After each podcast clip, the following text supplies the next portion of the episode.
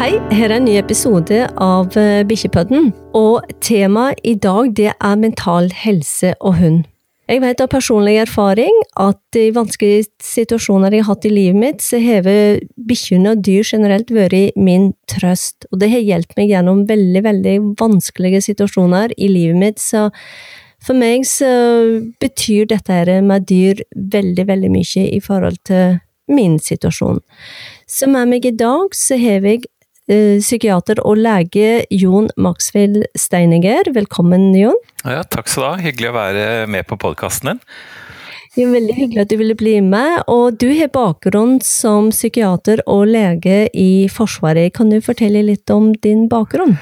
Ja, eh, det er egentlig ganske sånn lang og sammensatt bakgrunn. For jeg har allerede rukket å bli 60 år gammel og gått ut nå som pensjonist fra Forsvaret. Tidlig pensjonsalder, men det betyr at man har fortsatt mange mange gode år foran seg. Eh, nå har jeg begynt igjen litt mer som psykiater, fordi at eh, min reise har vært en rekke steder. Jeg har først og fremst jobbet som leder de siste 25 årene, men jeg har kunnet jobbe også som psykiater og hatt privat praksis ved siden av en del av disse årene. Og I Forsvaret så har jeg jobbet mye med stress og kriser, og da ledet det som var stressmestringsteamet for de internasjonale eh, styrkene som sto ute. Og så har jeg jobbet med ledelse og lederutvikling ved Høgskolen i Forsvaret de siste fire årene. Og så har jeg også vært eh, sjef for saniteten eh, i Forsvaret en del år. Og så er jeg lidenskapelig opptatt av flyving, så jeg satt også som sjef for Flymedisinsk institutt. Og så har jeg også hatt en karriere i det sivile som leder av eh, da eh, Aker universitetssykehus eh, og den medisinske divisjonen der i noen år. Så jeg har fått lov til å virke veldig mange steder. Eh, både som lege og som psykiater, og som leder. Så nå er jeg kommet i en alder hvor jeg har fortsatt en god del år foran meg. Og så har jeg eh, startet eh, og jobber nå innleid som psykiater i Mosjøen ved et fantastisk distriktspsykiatersenter der, som jeg skal gjøre noen uker nå i sommer. Så det er veldig, veldig kort. Det er mye mer til min bakgrunn. Men du har vokst opp med dyr. Du fortalte meg at eh, din bakgrunn med dyr, og mor di var vel eh, hun som importerer den første chihuahuaen i Norge? Ja, og du vet, egentlig er det det jeg har lyst til å prate om, så det er fint at du bringer inn der. fordi eh, jeg tror det er alltid lurt å starte hva som har vært med på formen. Eh, og, og, det som har vært med å forme en, er også man har, eh, det man har kjærlighet til. Eh, og sett også betydningen av, og som jeg tenker jeg har tatt med tror jeg også preget meg og påvirket meg også som psykiater. Min mor var engelsk, eh, og hun vokste opp på landet i England og vant til å ha masse, masse dyr rundt seg. Eh, hun tilhørte krigsgenerasjonen, altså alle disse som eh, var flinke, dyktige, og kvinner ble trukket inn og var en aktiv del av produksjonsapparatet under krigen. Fikk roller, og så kom alle mennene tilbake fra krigen, og så ble de skjøvet ut igjen. Så hun hadde egentlig veldig lyst til å bli veterinær, men det kunne hun ikke bli. Og så har hun eh, gjennom en lang historie egentlig kommet til eh, Norge, hvor hun traff min far. Eh, og hun var en meget dyktig altså Hun tok rollen som husmor veldig alvorlig, men hun hadde en lidenskap for dyr. Så jeg har vært særdeles heldig. Jeg har hatt en, en mor som tok vare på husmoroppgavene i den gamle, tradisjonelle veien. med Hun laget all mat og saft og Gud vet hva hun gjorde. Men i tillegg så var hun lidenskapelig opptatt av eh, hunder, og dyr generelt, men hunder i særdeleshet. Og så syns hun eh, det å drive oppdrett og få frem gode, eh, sunne hunder eh, var særdeles spennende og interessant. Så hun var en av de første som eh, begynte med en hunderase som heter Basenje. Tok inn de, fikk de første faktisk eh, fra England. Dette er jo en rase som opprinnelig stammer fra Kongo. Eh, virkelig en urhund. Og fikk frem en veldig sunn stamme som hun eksporterte faktisk til hele verden på 60-tallet. Senere så var det chihuahua. Og pudler, mellompudler. Vi har hatt Dobman, vi har Cavalier King Charles Spaniel, vi har hatt Japanese Chin. Altså de fleste raser har vært innom vårt hus. Men hva var navnet til mor di? Bare... Pamela. Og de som, de som, er hundeinteresserte og som har hatt chihuahua, kjenner til Rosanti-navnet. Jeg tror hun oppdrettet over 200 champions. Så da jeg vokste opp, så, så var det jeg, jeg bodde i et hundehus. Og, og, de som skjønner hva jeg sier nå, eh, de vet at eh, det å vokse opp i, opp i, et hus med masse dyr eh, Jeg visste at hvis jeg hadde blitt allergisk, så ville nok hundene ha blitt i huset og jeg måttet flytte ut. Men jeg spøker, jeg spøker med det. Men det var, det var et eh, det var yrende liv. Vi hadde mye fugler også. Hun hadde, drev opptatt av undulater, kanarifugler, eh, latterduer. Og så hadde vi med flere anledninger Beos der, som er kanskje en av de eh, fuglene som er best til å prate. Så det er, eh, det er, eh, litt sånn rammene i det jeg vokste opp. Og så var hun opptatt av hester, så, så jeg og min søster tidlig begynte å ri. Eh, og det er noe jeg fortsatt eh, med den dag til dag. Også min datter er en eh, ivrig rytter, så vi tar stadig tur ut. Så det som var, hvis jeg skal bare fortsette der, det som var litt spesielt med dette huset, det var jo fylt av barn. Og det var et fristed i nabolaget. Og før det egentlig fantes en skolefritidsordning, så hadde min mor det huset hos oss. Og det betød at barn i nesten alle aldre. De kom og brukte ettermiddagen øh, og gjorde lekser, fikk mat, hjemmelaget, alt mulig, øh, og tilbrakte tiden der. Og det var da jeg så veldig tidlig betydningen av dyr, og betydningen av dyr for barn de fleste som kom, det var sånn at hun satte en aldersgrense. De måtte være syv år. Det var litt for å ha kontroll på at det ikke skjedde ting med hundene. Og det var, det var, slik at barna var to ting de gledet seg. Det var å begynne på, på skolen, og så var det det å kunne komme til Pamela og være sammen med hundene og dyrene der, og stelle de. Og det var, hva det gjorde med de ungene, det at de fikk stelle med bikkjene? Nei, det, det, var flere, var flere ting i, i, som jeg tenker er, er, veldig verdifullt, og var veldig verdifullt uh, for disse barna, og som jeg skal komme litt inn på etterpå. Uh, for det første så Vi hadde såpass mange hunder at uh, de hadde nesten hver sin. På det meste så tror jeg vi hadde 40 hunder i huset med valper, da. Og det går fort, det. Eh, riktignok ikke så mange kilo hund, men veldig mange av dem. Og det betød at den enkelte hadde sin hund som de skulle ta vare på og passe litt ekstra på. Det betød også at det var en del unger som hadde da tilgang til å komme hit, som kunne invitere med seg venner. Eh, og for noen av de som kanskje hadde vanskeligheter med å knytte kontakt med andre barn, så hadde de noe de kunne dele med de andre barna som de syntes var eh, spennende å være med på. Så det gjorde at hun eh, la til rette for at mange av disse ungene fikk et nettverk gjennom å komme hit og være sammen med dyrene og stelle.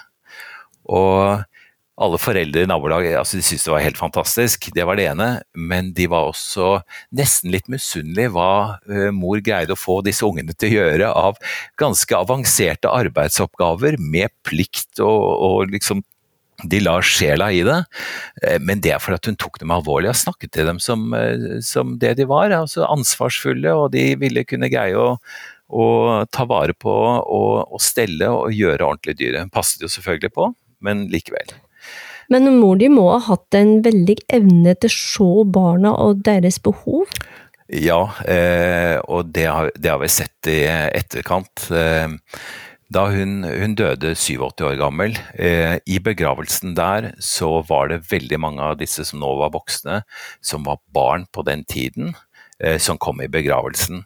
Eh, og det er, får, det er, da du ser hvor mye hun har betydd, og hvor mye dyrene har betydd. Det var jo barn som opplevde skilsmisse, det var barn som følte seg utenfor.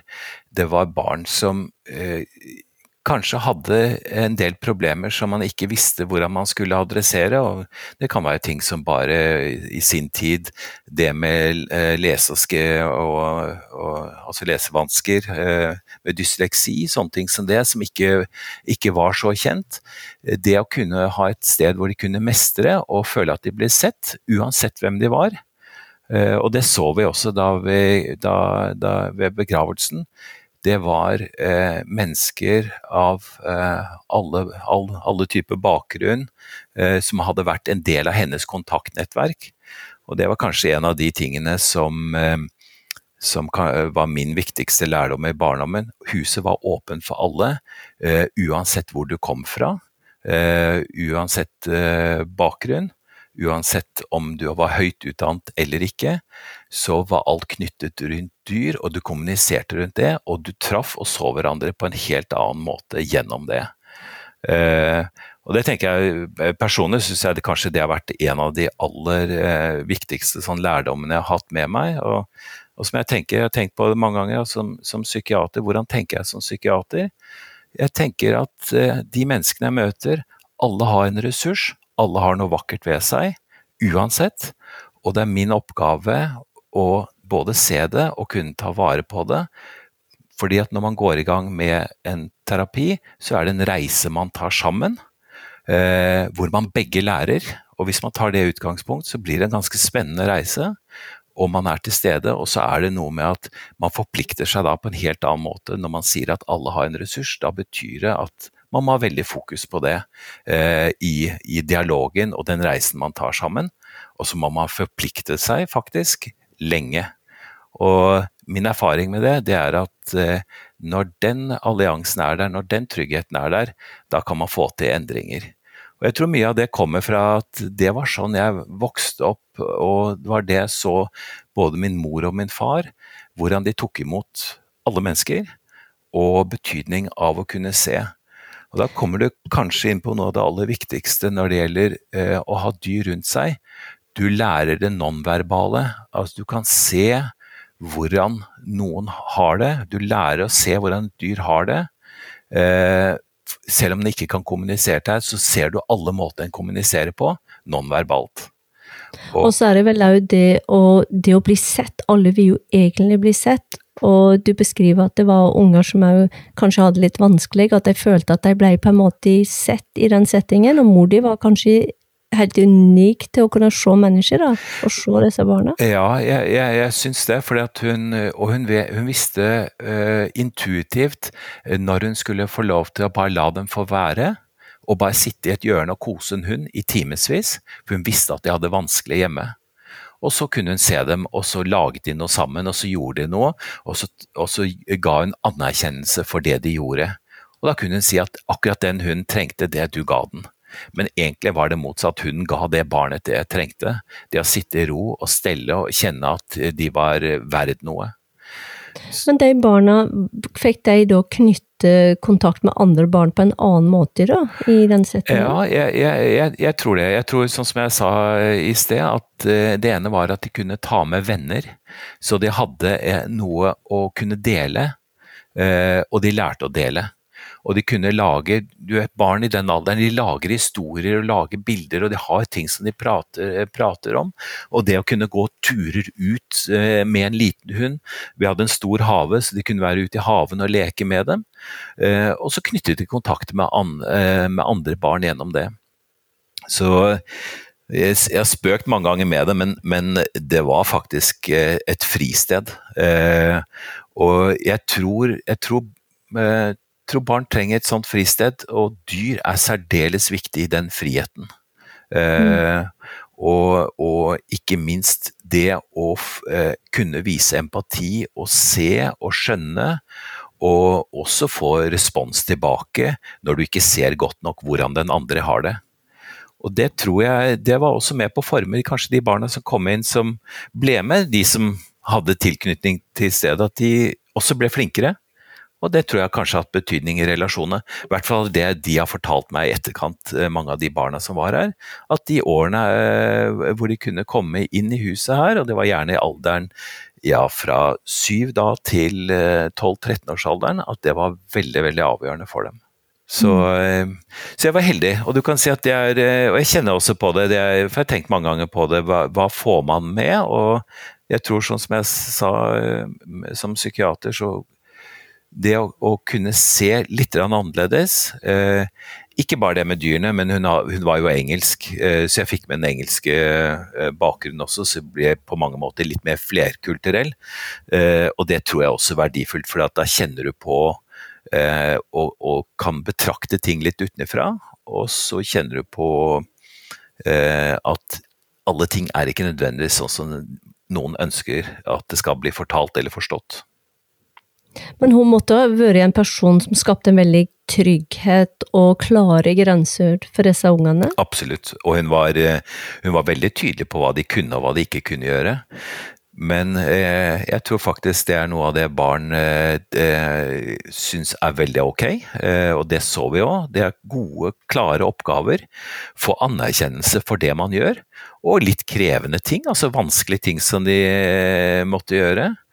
Og når de fikk sitte ned og, og få lov å åpne leksebøkene og bli servert god, gammeldags huskost. Hjemmelaget mm. syltetøy og hjemmelaget saft og, og, og hjemmelaget brød. Eh, så var det en, en atmosfære som, som jeg tror eh, og I hvert fall sånn som de sier også, men jeg tror det var veldig utviklende.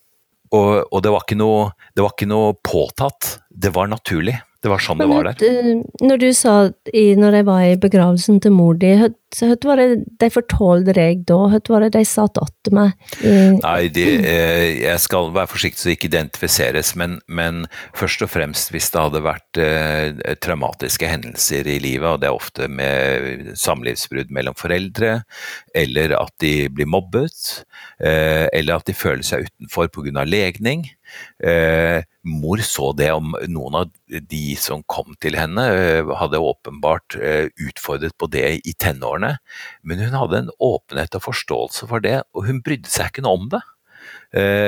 Så det, er det, de, det var det ofte den historien de fortalte tilbake, og som de har satt i andre sammenhenger.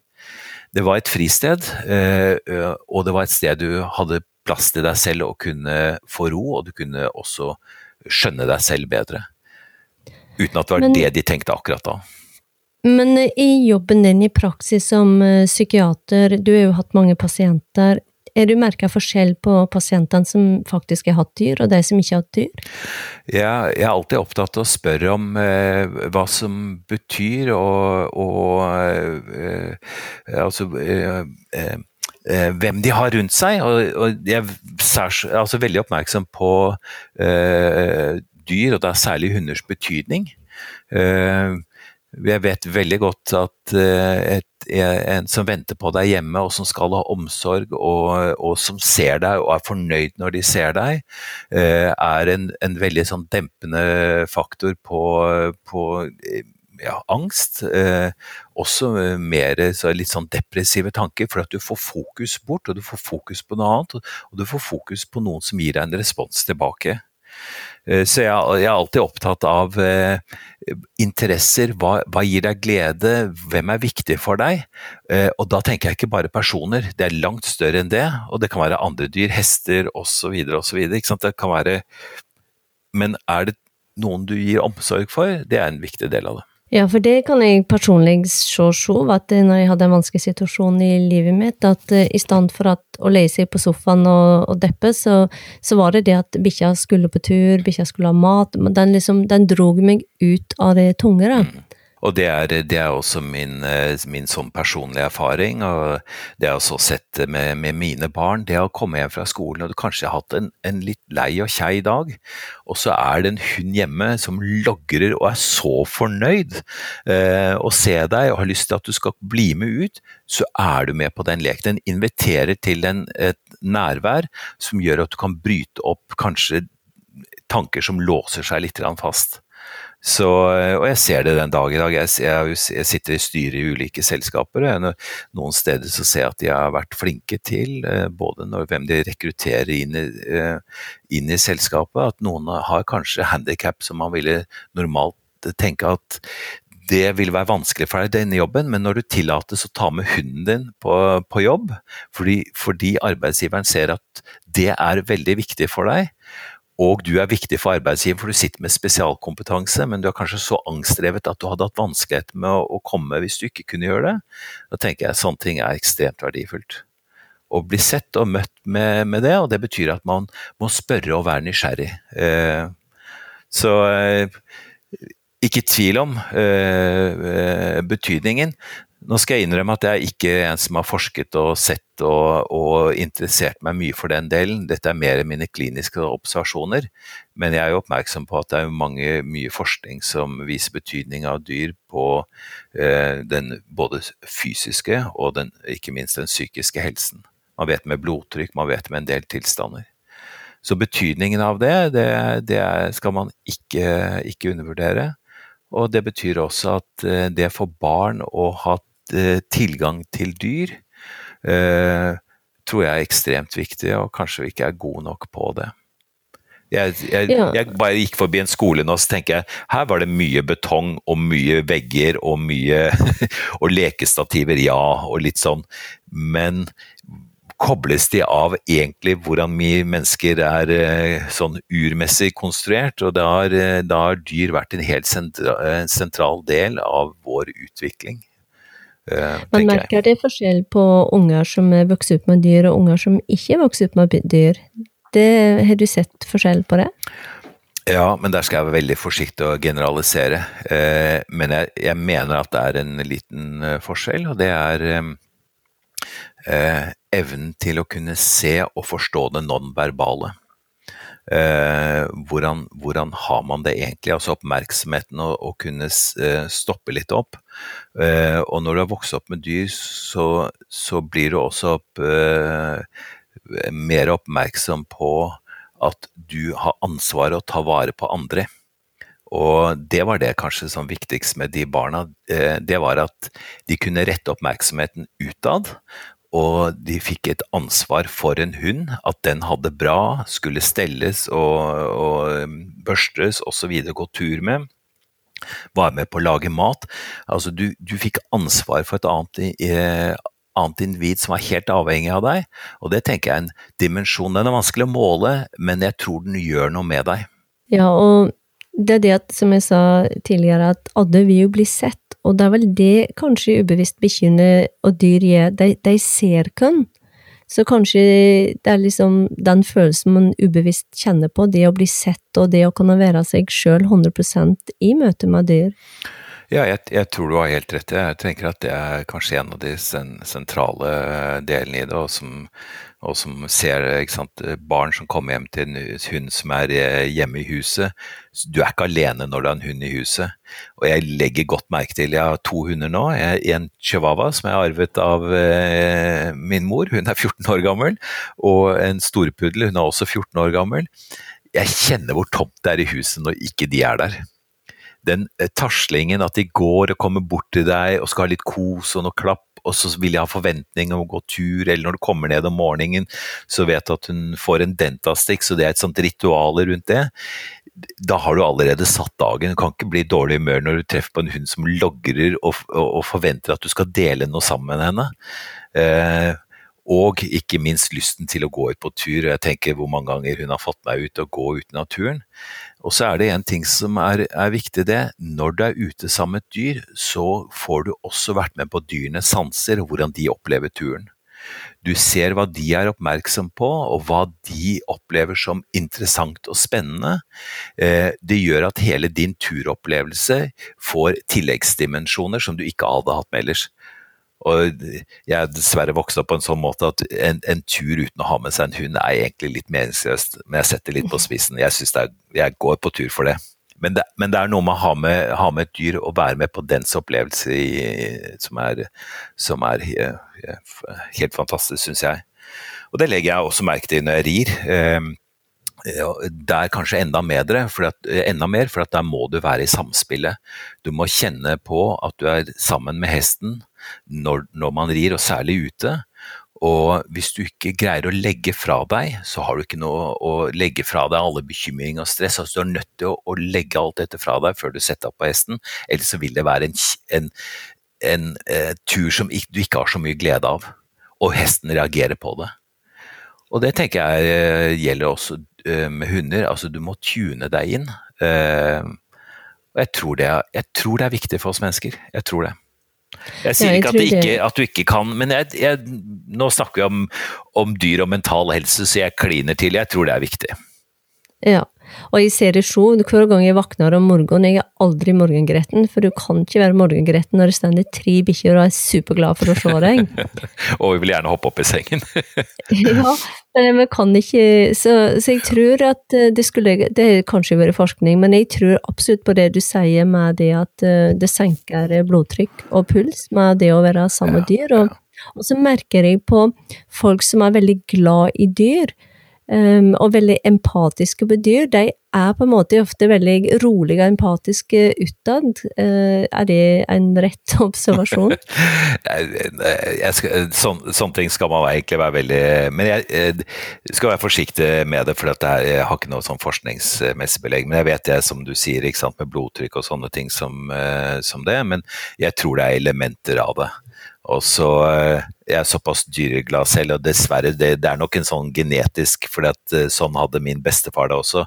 Han, han, drev på hobbybasis med gris, men han kunne ikke gjøre det, for han, han gråt når han skulle sende av gårde til slakt eh, og slaktes. Så, så det ligger, ligger, nok, eh, ligger, nok, noe der eh, som, som, er sterkt.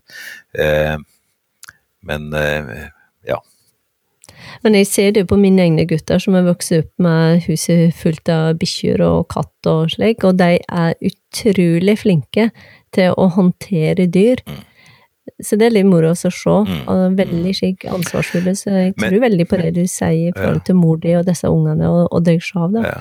Jeg tror du er inne på et, eh, et sentralt poeng. For det jeg, det, jeg, legger merke til, det er at når du er vant til å ha dyr rundt deg, så er du også vant til å tolke dyrs eh, atferd, og skjønner når eh, Og det gjelder egentlig alle dyr. Du, du kan lese atferden deres eh, lettere du blir ikke skremt av hva de gjør. Jeg legger særlig merke til det med, med, hester. Når du er vant til det med dyr, og du er vant til hester, og en som ikke er det, de er redd av alle bevegelser hestene gjør, og skjønner ikke hvordan de skal tolke det. Eh, og jeg tror den dimensjonen, det får man eh, når man er, er med dyr og særlig sånn som jeg sier når man er ute på tur, uh, tur. Og så er det det som er spennende med hunder, det er jo alle typer raser, hva de er laget for, gir sine særegenheter.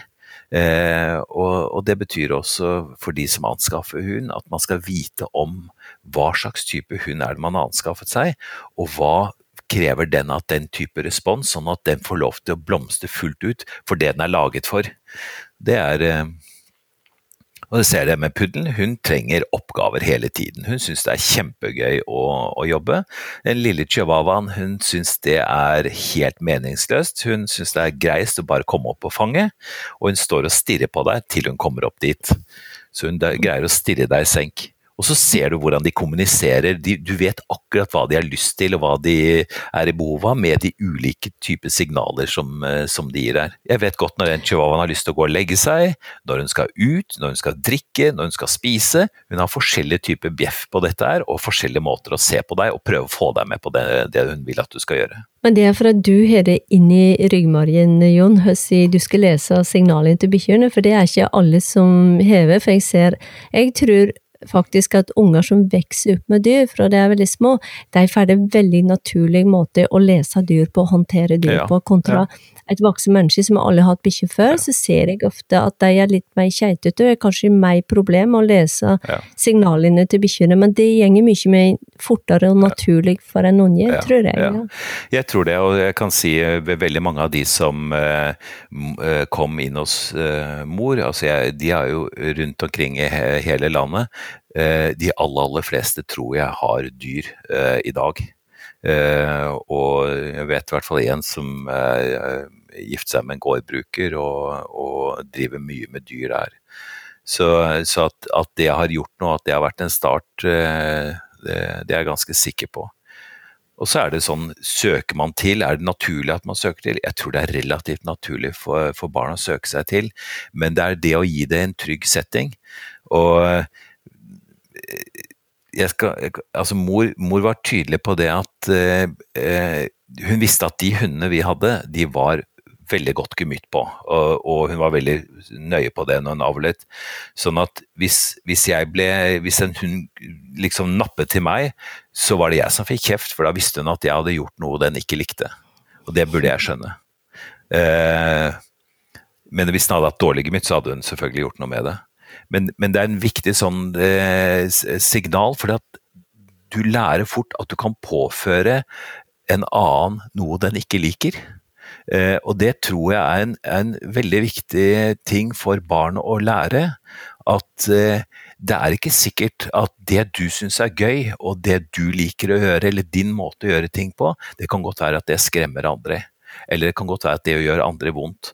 Og det, det, får du veldig fort tilbakemelding, og det var hun veldig flink til å si fra til barn. Og hvis de herjet for mye eller lekte for voldsomt, eller gjorde ting som åpenbart hunden ikke likte, så lærte de det veldig fort. Og det tror jeg er kvaliteter som er ekstremt viktig å ha med, eh, ha med seg.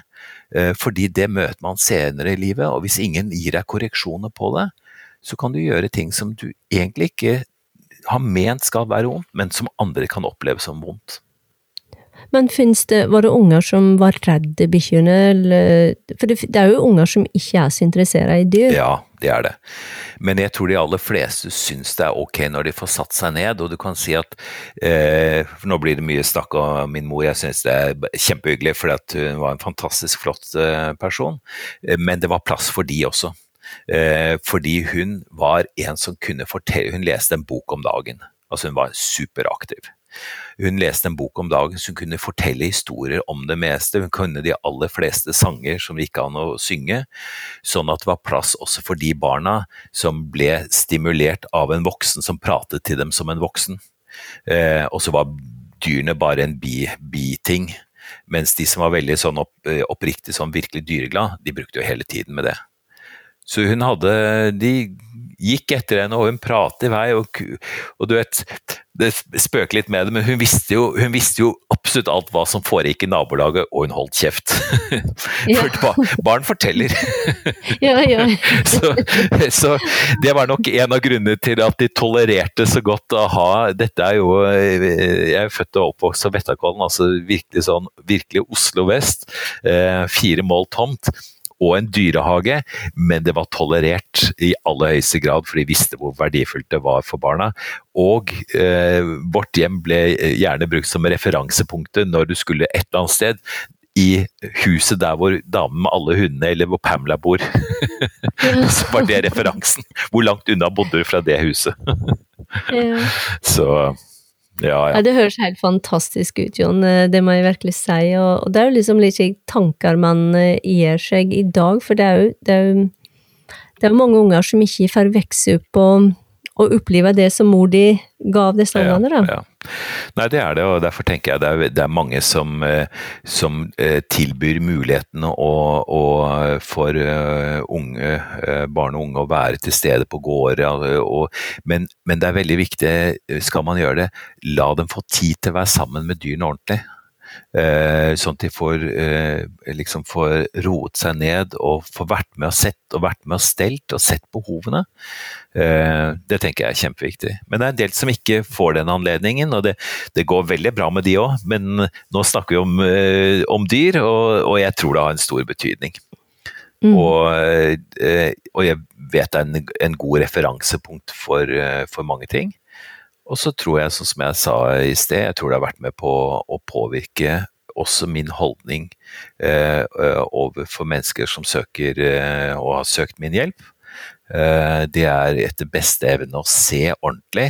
Eh, aldri se på diagnoser, for diagnosene, hvis du begynner å bli forheftet til det, så greier du ikke å se mennesket og individet bak. Og så er det det å, å alltid tenke at det er en ressurs, og, og, alle har noe vakkert ved seg. Og da er det et veldig stort ansvar eh, for den som er en behandler, å bli med ordentlig på den reisen.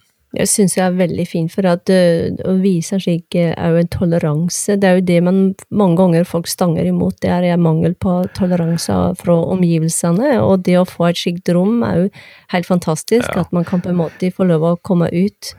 Jeg, jeg, tror, jeg, tror, det er veldig viktig, og jeg, kan si at det er kanskje mange av de tingene som, eh, som, jeg har fått med hjemmefra. og Dette er jo både fra min mor og far, så jeg har vært veldig heldig, held, veldig heldig sånn sett. Og så er det én ting som jeg også har lært, og nå har jeg sittet som toppleder både i Forsvaret og i det sivile helsevesenet. Uh, uansett hvor profesjonell du er og hvor flink du er, du kommer til din begrensning på et eller annet tidspunkt. Uh, og da, da, må du ikke vike unna. Uh, da er det én ting som alltid gjelder, det er å være medmenneske. Det, er, det greier vi alle, og det er alltid en vinner hvis alt annet svikter. Mm. og det er det mange av problemet, for de tenker at da må de bare være enda flinkere og enda mer profesjonelle. Og da blir de så, prøver de å være så flinke til slutt at de distanserer seg fra den som trenger hjelpen. Og i de aller fleste tilfeller så holder det å være et godt medmenneske.